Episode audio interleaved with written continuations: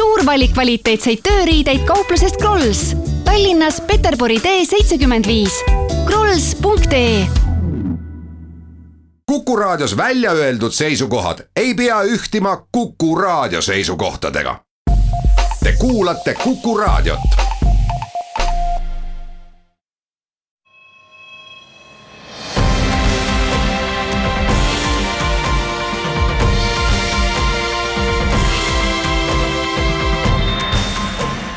Buum. saadet toetavad Swedbank ja EBS, nähes ja luues võimalusi tere päevast, on kahekümnes juuni, kell on saanud peaaegu kaheksa minutit. üksteist läbi, oleme taas eetris Buumi saatega, saatejuhid Anto Liivat ja Ott Pärna. tänase uudisteploki avame aruteluga WeWorki nimelise iduettevõtte üle, kellest arvatakse saavat Uberi ees võib-olla isegi Ameerika Ühendriikide kõige väärtuslikum idufirma seejärel räägime sellest, et eelmise aasta kolossaalne tõus Bitcoini hinnas võib olla seotud suurte spekulatsioonidega. arutleme ka Michael Porteri värske artikli põhjal selle üle, kuidas tippjuhid oma aega kasutavad ning juhivad. ja uudisteploki lõpetuseks räägime sellest, et Google on taas sisenemas või tegelikult ta seal ka on eh, nii-öelda meditsiinitööstusse ja oma eh, tehisintellekti abil suudab siis ennustada kõikvõimalikke äh, sündmusi meditsiinisfääris meie tänane saatekülaline on EBS-i investeerimisklubi looja Randy Padar, kes aitab meil ka uudiseid kommenteerida. Randyga vestleme saate teises ja kolmandas plokis äh, põhjalikumalt investeerimise ning rahapsühholoogia teemadel aga nii nagu lubatud sai, kõigepealt räägime WeWorkist. Äh, Uberi nimi on küllap kõigile hästi tuttav, WeWorkist ollakse kuulnud äh, vähem aga tegemist on siis ettevõttega, mille turuväärtust hinnatakse circa kahekümnele miljardile dollarile ja arvatakse, et pärast järgmist raha kaasamist, äh, kus suurimaks investoriks on tõenäoliselt äh, SoftBanki grupp, võiks WeWorki äh, turuväärtus küündida sinna neljakümne miljardi tuuri. ja kui Uberi väärtus on kuuskümmend kaks miljardit, siis arvatakse, et õige pea võib WeWorki turuväärtus ka Uberit ületada nojah, siin on kaks põhjust, et ütleme, pessimistid ütlevad, et see WeWork ei ole mitte mingisugune tehnoloogiaettevõte, vaid et tav, täitsa tavaline kinnisvara äh, maaklerusettevõte, kus siis renditakse suuremaid portse kinnisvara kokku ja renditakse seda väiksemates juppides välja nii-öelda koostöö, koostööpindadena. ja mida suuremaks lähevad need mahud, seda noh, suuremaks, suurem on ettevõtte käive võiks justkui nagu valuation'id ka hästi suured olla. see, et nüüd hinnatakse tema võimalikku väärtust sajale miljardile nagu mõnede aastate pärast ja kusjuures ta ei oma seda kinnisvara, ta tegelikult ju vahendab, eks. temal on pikad lepingud, edasi annab lühikeste lepingutega siis nagu toolikaupa, eks et, et noh, siin on ütleme hinnang, et seesama see SoftBanki Vision fond, mis on üks suuremaid selliseid riskifonde äh, jaapanlaste taustaga et tegelikult ikkagi maksab üle ja ajab kunstlikult neid ettevõtete väärtusi üles ettevõtete puhul, kellel tegelikult võib-olla noh, nii suur, nii suurt potentsiaali ei ole. ometigi on suutnud WeWork äh, kahe tuhande seitsmeteistkümnendal aastal kaasata neli miljardit dollarit. lisaks SoftBankile on seal taga ka mitmed suured pangad institutsionaalsete investoritena. Randy, mis pilguga sina WeWorkile vaatad? tere ka minu poolt kõigepealt. Ähm, jah, ma olen nõus, et äh, WeWork on tegelikult, äh, ta ei ole selline klassikaline tehnoloogiaettevõte, et äh, nad on väga hästi tegelikult suutnud sellise üürikinnisvara või, või kinnisvara valdkonna ära tabada. et tuua see kommuun lihtsalt lähemale, et tuua see, see kontaktvõrgustik nagu Silicon Valley's, aga lihtsalt aga lihtsalt äh, kõikidele ettevõtetele, et ta ei pea olema tehnoloogiaettevõte. mis on minu meelest huvitav, on see, et ma saan aru, nad püüavad nagu Airbnb-d teha siis nagu rendi, rendi vallas on ju. aga vaata Airbnb on tegelikult lühiajalised rendid ja ma lähen teise linna, ma ei tea sealt mitte midagi, ma ei tea ühtegi kinnisvarabürood.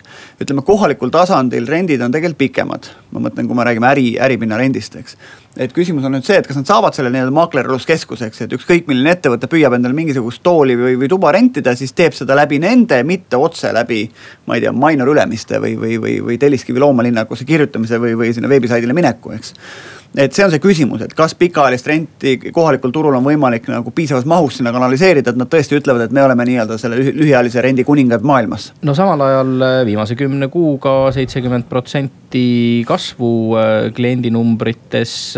Korralik kolmekümne, neljakümne protsendine brutokate. nii et midagi seal kindlasti on ja ega Masayoshi Son ei oleks niisama öelnud, et kuulge poisid et äh, mina annan teile raha, tehke kümme korda suuremalt, kui te olete siiamaani unistanud. Äh, aga noh, teistpidi muidugi investoritel vaja ka raha kuhugi panna ja kinnisvara on üks äh, klassikalisi kohti. kui on olemas nii-öelda edukas uue põlvkonna lahendus, kuhu paigutada, siis miks mitte, aga räägime nüüd Bitcoinist ka, Bitcoini rekordhind oli seal kuskil kahekümne tuhande dollari kandis, täna on kukkunud kuue tuhande peale. arvatakse, et Bitcoini kõr hinna kõrgustesse pumpamise taga on äh, sellised insider spekulandid, kes on seda hinda siis nii-öelda kunstlikult üles ajanud. sa oled Randi ka krüptovaluutadesse panustanud, kuidas tundub? tõepoolest jah, ma olen ka krüpto, krüptosse panustanud küll mitte tegelikult Bitcoini selliselt, nagu see sellise haibi ajal toimus, aga äh, mida Bitcoiniga siis tegelikult, äh, võib-olla räägime selle ära, et miks see Bitcoin üldse nii tähtis oli. ta oli, ta oli üks lihtsalt selline valuuta vahetamaks siis ka väikeste selliste ICO-de selliste ostu puhul. et äh, kui sa tahtsid mingit teatud väiksemat osakut või teatud väiksemat mingit ettevõtet, siis sa pidid tegelikult Bitcoini ostma. et tinglikult eh, noh, räägiti seda, et selle kõik ajas üles eh, lihtsalt see selline haip ja, ja inimesed hakkasid uskuma, et et see võiks nagu nii minna, kindlasti mängitakse sellistel maadel alati musta, sellist musta mängu. et eh, seal on selja taga inimesed, ettevõtted, grupeeringud, kes üritavad sellest kõigest kasu lõigata üks huvitav asi selle Bitcoiniga on ka see, et, et kuidas tahta nagu teha sellist globaalset nagu valuutat, eks.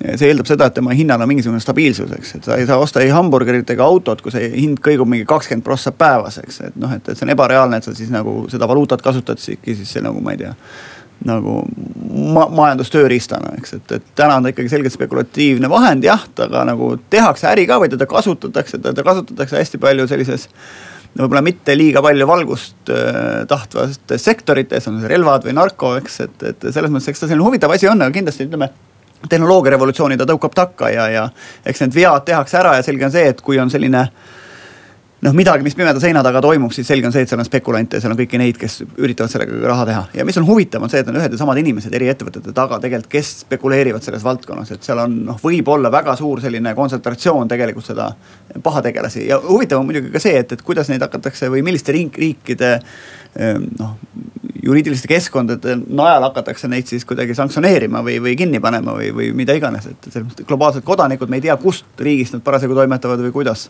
keda täpsemalt huvitab, kasutage Google'it, otsige üles Texase ülikooli professori John Griffini äh, värske teadusartikkel, äh, mille põhiväide on tõesti see, et vähemalt pool Bitcoini hinnatõusust oli spekulantide töö, aga meie kuulame vahepeal ära reklaamipausi ja jätkame seejärel.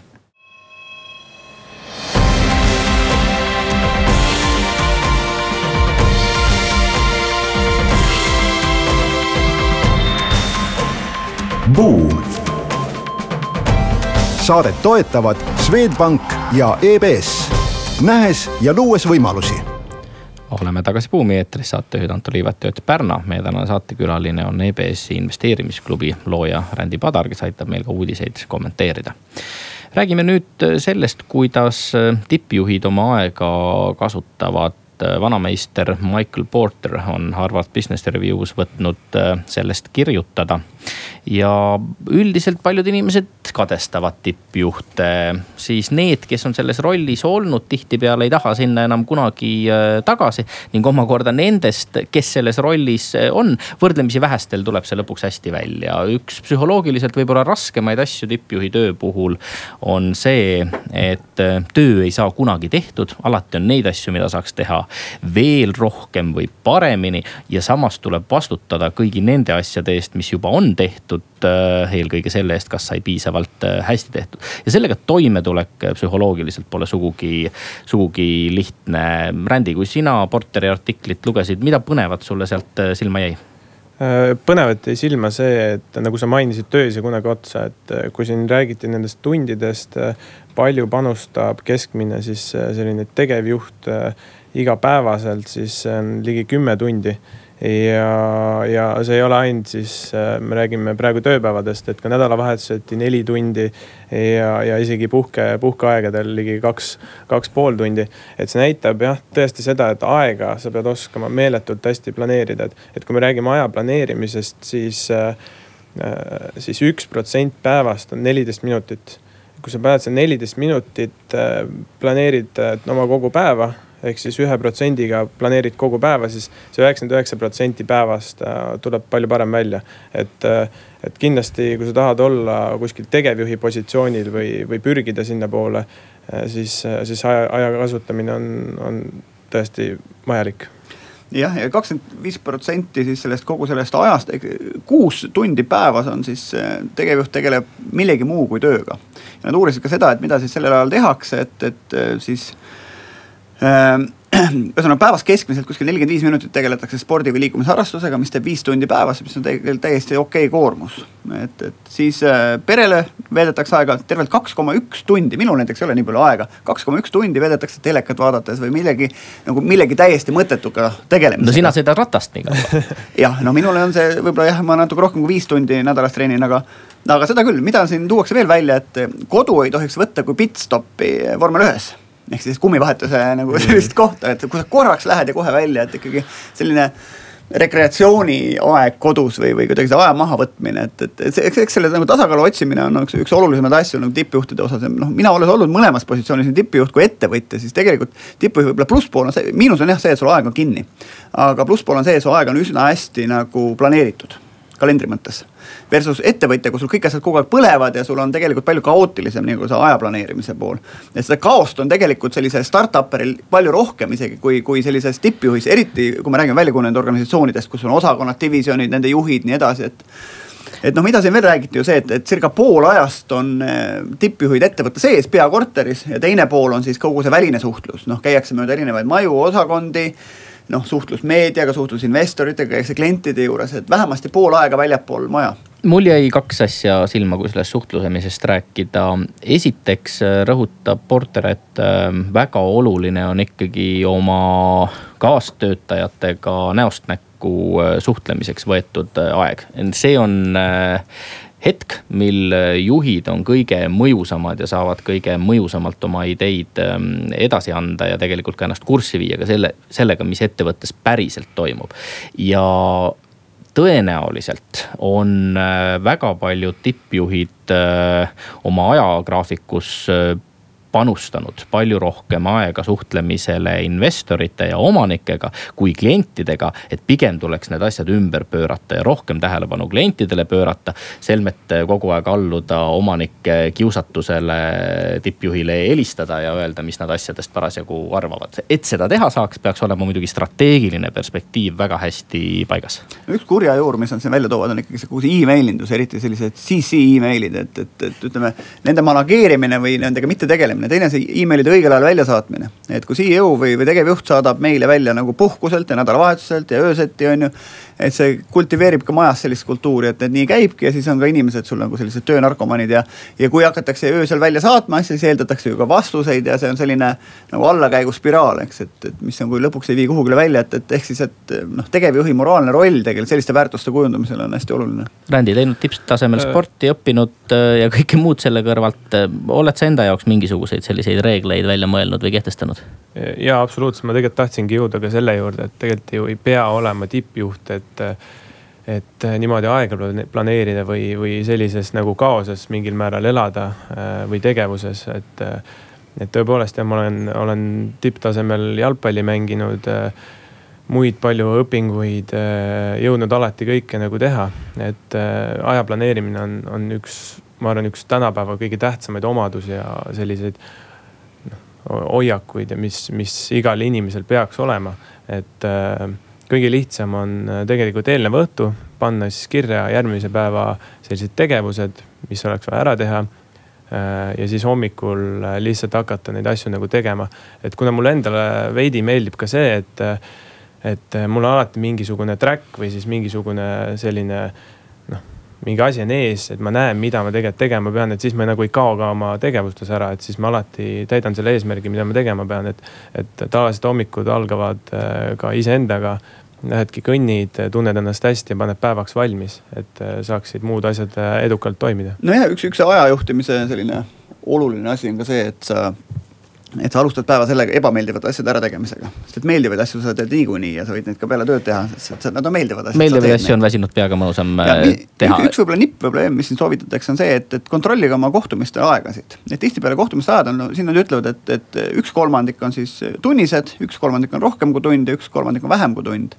ja tihtipeale nende koosolekute pikkus on tegelikult selline kultuuriline habit või, või harjumus ettevõttes, mitte et need koosolekud peaksid täpselt nii pikad olema, et püüdke koosolekut teha lühemalt, efektiivsemalt ja, ja mis võib-olla noh, minu oma kogemus ütleb ka see, et, et selline et, et kui tiim teab, mida teised teevad, ehk siis üksteise kalendrite teadmine enam-vähem suurusjärkudes, et, et sa suudad nagu aru saada ja kuidagi sünkida oma, oma tegevusi. ühe uudise jõuame siia lõppu veel rääkida, Google on meile teada andnud, et äh, suutis uue algoritmi abil äh, kõigist paremini prognoosida haiglasse sattunud äh, daami äh, alles jäänud äh, elupäevade pikkust. ja arvatakse, et äh, see võib luua Google'ile võimaluse siseneda uutesse ärivaldkondadesse väljapool internetiteenuseid, äh, täpsemalt antud juhul siis äh, terviseteenuste valdkonda. no see Google'i katsed tegelikult meditsiiniteenustesse minna on ju tegelikult aegade algusest olnud. et, et ja, ja noh, mis nad siis antud juhul siis tegid jah, et nad suudavad siis meil sada seitsekümmend viis tuhat erinevat andmepunkti, eks. Nende pealt siis tehisintellekt arvutab, mõtleb on ju ja siis prognoosib mingisugust tulemust, eks. aga mina ütleks seda, et see noh, see predictive methods või, või ennustat-, ennustusmeetodid siis selle tehisintellekti tehisintellekti abil, aga üks asi, et ennustada seda, et ma räägin, ma sõidan autoga Rootsi ja et kas mul see tagakumm läheb nüüd viieprotsendise tõenäosusega või viieteistkümnesega lõhki, on ju. aga pigem ma tahan ikkagi seda ennetavat asja, on ju, me teame et, et, et viiskümmend protsenti inimese tervisest on elustiil, ainult kümme on ravi ja ravimid, on ju.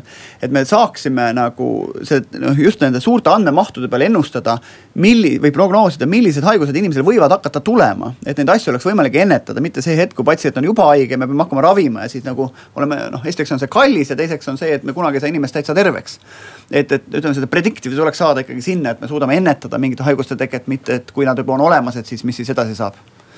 Mm, ja ma ütleks ka veel tegelikult seda, et, et, et inimesena noh, et see võib-olla see informatsioon talle õigel ajal ikkagi nagu ennet- või noh, ette öelda, et. et, et ei saa niimoodi, et sa lähed arsti juurde ja ütled, et sul on kakskümmend, noh arvuti arvutab, et sul on kakskümmend protsenti võimalus on nagu siit ilmast lahkuda, et siis inimesel on selline halb komme hakata negatiivselt nagu enda poole kutsuma, et, et ka kõik see maailm, et. et äh, Google'il on küll jah, big dataga on äh, varasemaid kogemusi, aga, aga loodame, et, et siis sellest tuleb ka midagi positiivset välja, et, et jah. kuulame nüüd ära päevauudised ning seejärel jätkame Buumi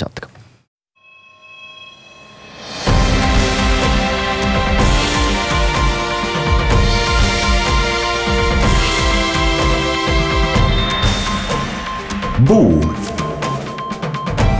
saadet toetavad Swedbank ja EBS, nähes ja luues võimalusi oleme tagasi Buumi eetris, saatejuhid Anto Liivet ja Ott Pärna. meie tänane külaline on EBS-i investeerimisklubi looja Rändi Padar. ning nüüd vestlemegi eelkõige investeerimis teemadel. investeerimistemaatika sobib hästi päevakajalisse konteksti. seoses Tallinna Sadama aktsiaemissiooniga võiks öelda, et eestlasi on tabanud äh, mõneti ka selline investeerimispalavik, vähemalt nendest teemadest räägitakse rohkem kui äh, varem. Rändi, kas sa Tallinna Sadama aktsiaid soetasid? Äh, tõepoolest, eestlastel on selline praegu väga aktuaalne see teema. mina ise ei soetanud neid aktsiaid kuigi nüüd noh, turul on alati see tagantjärgi tarkus, eks ju, aga, aga mul olid seal väga kindlad põhjused, miks ma seda ei teinud. ma ei välista, et ma seda ei teeks, aga, aga hetkel jah, tundsin, et mina sinna praegu kampa ei lähe. sest tundsin, et hind võib seal üles minna õigel ajal ei suutnud siis IPO-st neid aktsiaid ära osta ja siis alguses kohe orderiga ju see hind läks meeletult üles, et, et ma lasen selles mõttes turul stabiliseeruda ja siis vaatan oma neid plaane edasi kuidas sa üldse investeerimise juurde jõudsid või millal sa aru said, et see temaatika sind paelub? Äh, investeerimise juurde tegelikult ma jõudsin äh, niimoodi, et äh, ma mängisin jalgpalli, ma olen kolmteist aastat mänginud ja. ja tihti tulid sellised pikad reisid ette Eestis, et oli vaja bussiga sõita hästi palju ja siis sai neid raamatuid nagu kaasa võetud ja, ja siis äh, tegelikult oli, oli selline hetk, kus siis äh, olin oma toas äh, ja siis isa kõnnib mööda ja küsib, et mis sa täna tegid, et, et homme siis veel nagu parem olla ja ma too hetk nagu jäin mõtlema, et ütlesin, et midagi ei teinud ja siis ta tõi mulle ja, Raak, Jaak Roosaare rikkaks saamise õpiku, mille ma suutsin päris kiiresti läbi lugeda, arvestades, et too hetk ma väga suur nagu lugejasõber ei olnud. ja sellest ajast peale hakkasin hästi palju investeerima iseendasse ja sealt nagu tuli ka see huvi edasi, edasi nagu vaadata. mille eest sa investeerimisklubi noore investori auhinna said? Äh, see oli siis selline protsess, äh, kus ma leidsin, et äh, Facebookis siis ringi kollades samamoodi jälle bussisõidu ajal ma nägin kuulutust, et otsitakse selliseid noori potentsiaalikaid investoreid, kuna Eesti Investeerimisliit või klubi siis on äh, peamiselt äh, noh, seal on sellised äh, vanemad inimesed, kas siis juba kolmkümmend, et too hetk mina olin kas seitseteist, kaheksateist. ja mõtlesin, ma kandideerin, seal siis pidi enda loo kirjutama, mingisuguse väikse taustaga enda aktsiatest või investeerimistest ja, ja juba ma ei tea, palju sealt mööda läks, kahe-kolme nädala pärast siis LHV rahastas mind stipendiumiga sa ütled, et vanemad mehed, kolmekümnesed, me siin natuke neljakümnesed ja sa oled üheksateist, et kui raadiokuulaja ei tea ega näe, eks. aga räägi, et, et su enda see koolide pool on ka selline, no mitte kirju, aga sa oled reaalkoolis käinud, sa oled käinud Rocca al Mares, nüüd sa käid EBS-is, et, et kuidas see on seotud olnud sinu sellise investori vaimu arendam-, arenguga ja mis sa, kust oled saanud? Äh, jaa, ma olen käinud jah, selles mõttes äh, kolmes nüüd koolis, et äh, Tallinna Reaalkool oli rohkem minu jaoks selline kui spordi ja psühholoogia iseenda nagu leidmine. et äh, seal ma nagu võisin saada mingisuguse pisiku ikkagi ka matemaatika ja selliste äh, reaalteaduste näol. aga ma arvan, et see tõeline areng tuli ikkagi Rocca al Mare koolist, äh, kust noh, kus pööratakse rohkem tähelepanu ka seal ja selles mõttes nagu inimesele endale, et et inimesel hea oleks, et tal oleks iga päev hea tulla kooli ja seal nagu jäi aega ja sellist noh, avanesin kuidagi, võiks nii öelda. et sealt hakkas see nagu pihta ja EBS oli juba selline valik, mis siis möödunud sügisel ma tegin, et ma lihtsalt tundsin, et see on, see on koht, kuhu mind oodatakse. isegi kui mul ei ole majandustausta ma lõpetasin selles mõttes äh, jalgpalli mängimise sügisel ära, sest ma tahtsin fokusseerida ikkagi ühele kindlale asjale. ja, ja EBS on äh, selles mõttes seda kõike nagu võimendanud investori keeles öeldes, et äh, et andnud mulle meeletult võimalusi käia esinemas, õppida ja, ja ka sellest olen otsustanud tegelikult ka EBS-ile tagasi anda, anda investeerimisklubi näol, et et järgmisest aastast EBS-is alustaks äh, investeerimisklubiga, mis on nagu kõigile mõeldud, nii õpilastele kui õppejõududele. kui sa enda eluna edasi vaatad, kuhu sa välja tahad jõuda, võib-olla investori ja ettevõtjana ja võib-olla inimesena? Äh, see on selline hea küsimus tegelikult äh, millele on äh, selles mõttes mingil määral raske vastata. jah, mul on väga kindel visioon, kes ma tahaks olla ja kus ma tahaks olla, aga tänasel, selles mõttes tänases kiires muutuvas maailmas on nagu raske öelda üle viie aasta ette, mis see maailm üldse tegema hakkab. et tõepoolest äh, äh, sügisest tegelikult ma alustan praegu õpinguid Roomas Luis ülikoolis, mis on üks Itaalia paremaid ülikooli, et, et kindlasti avaneb ka seal mingeid võimalusi mulle. aga, aga tulevikus äh, näen ennast nii ettevõtja kui tippjuhina. Äh, kindlasti ei unusta ma investeerimist ja, ja südame, süda, südamemööda on mul ka tegelikult selline coaching ja mentorlus. Äh, olen inimestele nagu selles mõttes päris palju nagu sellist tuge pakkunud äh, lihtsalt enese nagu arendamise mõttes. räägime sinu investeeringutest ka, sa oled Balti börsil panustanud, aga näiteks ka Apple'i aktsiaid soetanud, miks? Äh, puhtalt äh, sellepärast tegelikult Baltil on nagu hea alustada, et äh, täna ma olen kakskümmend, ma alustasin kaheksateistaastaselt ja Baltil puhtalt sellepärast, et et selles mõttes see turg on ikkagi niivõrd väike, et sa saad nagu need kõik lihtsamad protsessid endale selgeks. suuri nagu selliseid muudatusi ja kardinaalseid nagu muudatusi seal ei toimu. et Apple'i aktsiad näiteks sellepärast, et et näha tegelikult, kuidas, kuidas suur välisturg toimib. et väga väikses mahus ja, ja näha, millised on need liikumised, kus sul on reaalne, reaalne ikkagi reaalne panus on seal taga, et sa võid küll jah, mida ma olen ka teinud, läbi mängida neid olukordi. Öeldes, et näed, nüüd ma paneks nagu, ma ei tea, viissada eurot või tuhat eurot või noh, kui me räägime dollaritest praegu. siis läbi mängida, et kuidas turg toimib, aga aga noh, praktika on nagu näidanud, et, et vastutust tunned ikkagi reaalse panusega. mis sa sellest turu toimimise kohta järeldanud oled, kas äh, täna tehnoloogiaettevõtete kõrgustes olevad aktsiahinnad on äh, liiga kõrgel, palju seal selliseid mullistusi on? ja mullistusi on kindlasti, kindlasti päris paljudes valdkondades, mitte ainult ka tehnoloogias, kindlasti tehnoloogias esineb seda kõige rohkem. Aga mida ma olen, mida ma olen tähele pannud äh, sellise turupsühholoogia näol, et, et Ameerikas tegelikult investeerides äh, on inimesed ikkagi sinust juba kaks sammu ees, et kui sa Eestis näiteks investeerid, siis võib-olla inimene mõtleb siin üks, üks käik ette või, või reageerib siin mingi uudise peale, siis tegelikult seal nagu reageeritakse juba kaks käiku ette, et teatakse, nähakse seda ettevõtte visiooni. midagi võib olla sealt tulemas, et, et alati on siis keegi tegelikult sinust ees, et palju raskem on tegelikult noh, selles mõttes turuga nagu võidelda ja, ja seal ellu jääda ja ka noh, edukalt ellu jääda kas Apple on ainus või oled sa mõnedesse suurtesse ettevõtetesse veel panustanud? ei, praegu on jah, selles mõttes Apple on ainus nagu selline noh, ma kutsun seda nagu testostuks, et äh, enne kui hakkab midagi nagu suuremat juhtuma, et mul on väga palju küll sihikul erinevatest valdkondadest, et äh, investeerimise puhul üldse inimesed nagu võiksid või peaksid endale leidma mingisuguse valdkonna, mis äh, noh, neile kõige rohkem meeltmööda on, et et kindlasti on üks valdkond ka, millel ma silma olen peal hoidnud, on nagu meditsiin, sest eh, see on, see on nagu koht, kus tegelikult inimesed ei hoia nagu selles mõttes raha tagasi. et inimese tervise eest hoolitsetakse alati, seda on teinud, ravimitööstus on kõrgel kohal, et, et valdkondi on palju, sihikul on palju, nüüd on vaja tegutseda. kes su eeskujud on investeerimismaailmas? investeerimismaailmas, noh neid nagu eeskujusid on väga palju ja ma nagu ühte tegelikult sellist ei tookski välja, et.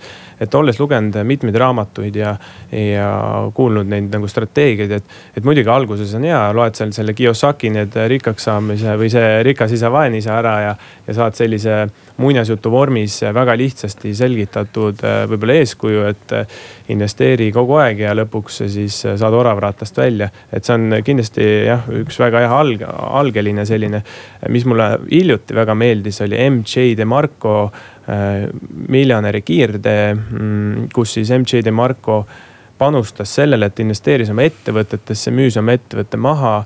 selle saadud äh, tuluga siis äh, võimendas seda kõike, et proovis uuesti ettevõtlust ja lõpuks siis, kui ta sellest ettevõtlusest oli nagu saavutanud niivõrd suure sellise kapitali, siis ta pani lihtsalt madala riskiga fondidesse no Alan, Alan Martinson on selle kohta hästi öelnud, et, et, et kui sa tahad tegelikult rikkaks saada, siis tegele oma ettevõttega.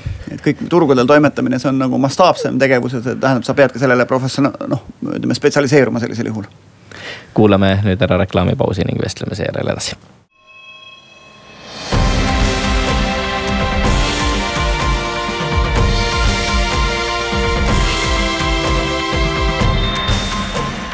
Buum saadet toetavad Swedbank ja EBS, nähes ja luues võimalusi oleme tagasi Buumi eetris, saatejuhid Anto Liivet ja Ott Pärna. meie tänane saatekülaline on EBS investeerimisklubi looja Rändi Padar. räägime nüüd äh, natukene investeerimisega alustamisest ja noorte finantskirjaoskusest. milliseid teadmisi ja oskusi investorina alustades äh, inimesel vaja võiks minna ja kuidas sa ise, Rändi, alustasid? Äh, ma arvan, et kõige parem see investeering, nagu ma enne mainisin, võikski olla eneseinvesteering, võtta kätte mõni raamat, mõni, minna mõnele kursusele. see on nagu kõige parem al alustus, et äh, tihti võib-olla eksitakse selle eeltööga, et ei tehta seda eeltööd ära et äh, tegelikult investeerimisel jah, äh, peaksid olema mingid äh, kindlad nagu sellised omadused või, või mingid asjad tehtud, et, et kõige nagu selline parem või kõige edukam, mida kasutavad ka tegelikult noh, peaaegu kõik investorid on see, et et kui sa oled nüüd otsustanud hakata investeerima, siis kasuta sellist äh, nagu plan'i või noh, plaani eesti keeles öeldes, et äh,. et suuna alati mingi protsent oma rahast siis äh, kohe, kohe sellisesse noh no kas ta on arvelduskonto või investeerimiskonto, et suuna mingi raha ära, et seda kutsutakse ka see äh,, kutsutakse ka inglise keeles on see pay yourself first, et siis eesti keeles maksa endale esimesena äh,. kindlasti peaks olema ka sul selline igakuine äh, plaan, et kuhu sul tegelikult see raha läheb ja kui sa näed, et sul seda raha Äh, võib-olla vähe investeerimiseks, siis äh, noh, alustada tulebki väikselt, aga, aga selle kohta on, äh, on nagu hästi öeldud, et, et sul on siis kaks varianti, kas sa kulutad liiga palju mingite mõttetute asjade peale või siis teenid liiga vähe, et tänapäevases ühiskonnas on see suhteliselt lihtne on tegelikult ka oma kapitali nagu tõsta. ja selles mõttes on äh, on nagu paljude inimeste puhul äh, tähtis see, et nad nagu lükkavad seda edasi, et tähtis oleks see, et äh, alustaks äh, juba täna, et kui mõtlete, et noh, see on kõik huvitav ja, ja tore, aga, aga nad ei julge või, või või nagu mõte oleks seda teha, siis, siis hakka seda juba täna tegema, sest mul oli siin mingisugune äh, mälus-opis, et kui sa nelisada eurot äh, investeerid, siis nelikümmend aastat, siis sa teenid äh, juba miljoni, et see on siis seitsmeprotsendilise tootlusega. mis on, peaks olema tegelikult suhteliselt kõigile kättesaadav nojah, ja oled samas passiivne investe-, investor, investeerid oma pensionifondi kuhugile ja sul noh, on nagu tühjad pihud, eks. et, et see ei ole kindlasti mitte see, et sul on käsi kullas nagu ilmtingimata. aga ma küsiks, küsiks sinuga seda, et eriti kui me nagu noortest räägime, et sul on nagu valik, et kas investeerida nagu iseendasse või, või firma X aktsiatesse on ju. iseenda haridusse näiteks, eks. et sinu puhul sa praegu üheksateist aastane, õpid EBS-is, tahad minna Rooma kooli, ülikooli ja investeerid, et, et kust papp tuleb? No väga lihtne selles mõttes on omal ajal tegelikult need investeeringud tehtud. EBS-i puhul on see, et EBS on. aga mille ka... sa kõigepealt maha müüsid, kui sa investeerima hakkasid? mina müüsin punnvõrri, mis sina müüsid? ei müünud, mul oli, ma, kui ma olin professionaalne jalgpallur, siis tuli mul ka esimene palk okay., nii et äh, too hetk ja siiamaani tegelikult ka vanemate kodus, et siis on nagu kulud hoia, hoia nii madalal kui võimalik ja suuna võimalikult suur raha siis kohe oma kontole et. Äh, mis sa jalgpallist õppinud oled, millest sul on olnud äh, ka siin rahamaailmas äh, toimetamisel kasu? noh, pigem mida ma nagu selles mõttes õppinud ei ole, et see oli ka minu elukool, et mingi hetk, kui kõik olid nagu tunnis, siis mina olin jällegi väljakul, et. et ma olen palju õppinud tegelikult juhtimist, nii raha juhtimist, enesejuhtimist. kui me enne rääkisime tegevjuhtide nagu sellistest aja planeerimistest, tegelikult kõik need asjad tulevad sealt, et et äh, jalgpall on tegelikult jätnud väga suure sügava jälje minu sisse, et äh, kindlasti on ta abiks olnud jah. sa mainisid enne saadet ühte uuringut äh, noorte finantskirjaoskusest. mis sulle sealt silma jäi ja kui sa vaatad oma eakaaslaste seas ringi, kuidas tundub, kuivõrd hästi noored finantsmaailmas orienteeruvad? Ma kõigepealt ütleks seda, et tegelikult Eesti on okeil kohal, ta võiks alati olla parem. Skandinaavia riigid, Skandinaavia riikide noored on tegelikult kordades edukamad ja teevad seda edukamalt kui Eesti noored.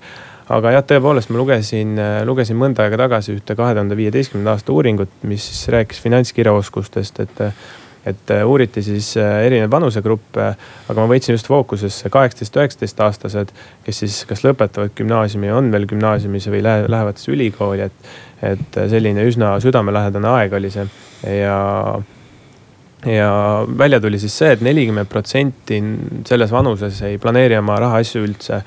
aga samas äh, kogu see hulk oli siis nelikümmend üheksa protsenti, kes siis kas iga kuu, iga nädal või iga päev planeerivad. et tegelikult see number ei ole absoluutselt halb kui, kui nelikümmend üheksa protsenti noori oma rahaasju planeerivad. see näitab tegelikult päris head asja, aga, aga nüüd on see küsimus, et kuhu nad seda raha siis hakkavad nagu paigutama. ja Äh, kus siis oli ka küsimus, et äh, milliseid investeerimisvaldkondi te selles mõttes äh, teate või tahaksite investeerida, siis tuli välja et, et kolmkümmend protsenti noortest valis kinnisvara selleks. et inimesed on kuulnud, et see kinnisvara valdkond on ilmselt tulus ja praegu on see turg üleval et seal on lihtne raha teenida, siis. siis võib see informatsioon veidi ekslik olla, kindlasti on ta väga hea turg, aga selleks on vaja siis ka tegelikult rohkem kapitali ja, ja natuke rohkem ettevalmistust, et ainult neli protsenti tundis huvi aktsiate vastu, mis on väga-väga väike arv, et.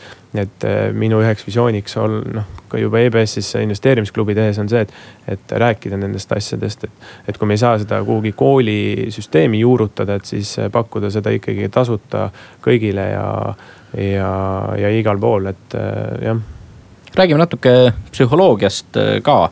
milliseid äh, hoiakuid äh, võiks investoril mõistlik olla endas kujundada?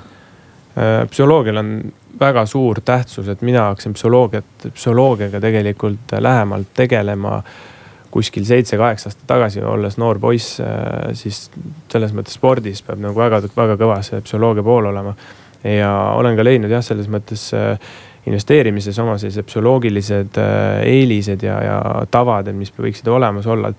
et mulle on endale meeldinud olla hästi selline tagasihoidlik äh, ja, ja kindlasti ei tohiks teha neid äh, emotsiooniga oste et see on selline üks asi ja, ja olla ka järje, järjekindel, et, et igakuiselt või siis kord kvartalis, et, et paigutada see raha. et need on, ma arvan, kõige suuremad sellised punktid, et et paljud inimesed äh, kindlasti sellel pikal ja raskel teekonnal tahavad loobuda, et siis minu kõige parem soovitus on see, et vaata oma selline visioon üle ja kuhu sa tahaksid jõuda ja siis, kui sa oled juba seda teekonda nagu pikemalt, pikemat aega teinud, siis tuleta endale meelde seda teekonda. et mida, kui me räägime liitintressist, siis, siis liitintress ju hakkab selles mõttes kasvama selle raha hulgaga, et kui mul on rohkem raha, siis ta, see kasum on ka seal nagu suurem. et äh, jah, selles mõttes tunnete arengut ja, ja nii ongi. ja võib-olla, mida peaks veel nagu rõhutama, on esiteks on see, et, et ei tasuks nagu kõiki oma raha mehele panna nagu sellistesse tegevustesse, et mingi kümme-viisteist prossa oma nagu vahenditest oleks nagu okei okay,, sest et arvestada, kui sa peaksid nad kõik kaotama, mis siis saab ja teine, mida ilmselt ei tasu teha, on, on nagu laenuraha investeerida kuhugi sellistesse kohtadesse, eriti kui sinna mingisugune no, panditud oma, oma maistvara või vanemate maistvara, et, et selles mõttes noh, tegevus, kus peaks ikka nagu üheksa korda mõõda, üks kord nagu lõika, mitte vastupidi ja ei tasu kõiki mune sinna korvi nagu panna. aga mis ma su käest küsiks, on see, et üks asi jah, et sa oled nagu turul, avalikul turul, kaupled aktsiatega, millega kõik teised ka on ju. Versus, et, et kui sa oled kuskilt Viljandist või Räpinast on ju, et sa investeerid kohalikku mingisugusesse tegijasse ja paned oma tööd ja vaeva ka sinna ja äkki see raha kasvab võib-olla seal rohkem, kui et, et sa nagu avalikult turult ostad äh, ettevõtte osa, aktsiaid et see on enda nagu selline valiku küsimus, et miks sa ei, noh meil paar päeva tagasi käis või paar nädalat tagasi käis Respo Haagis, et perefirma siin on ju.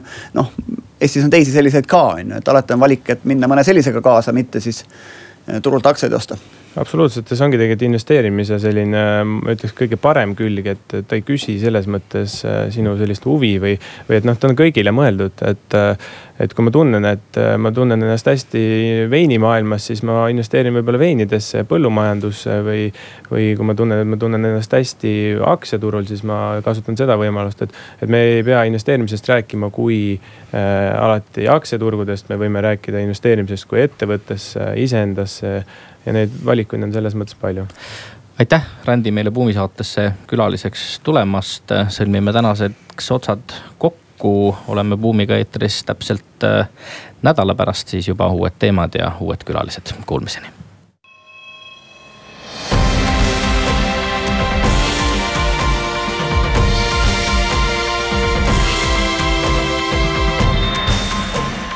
Buum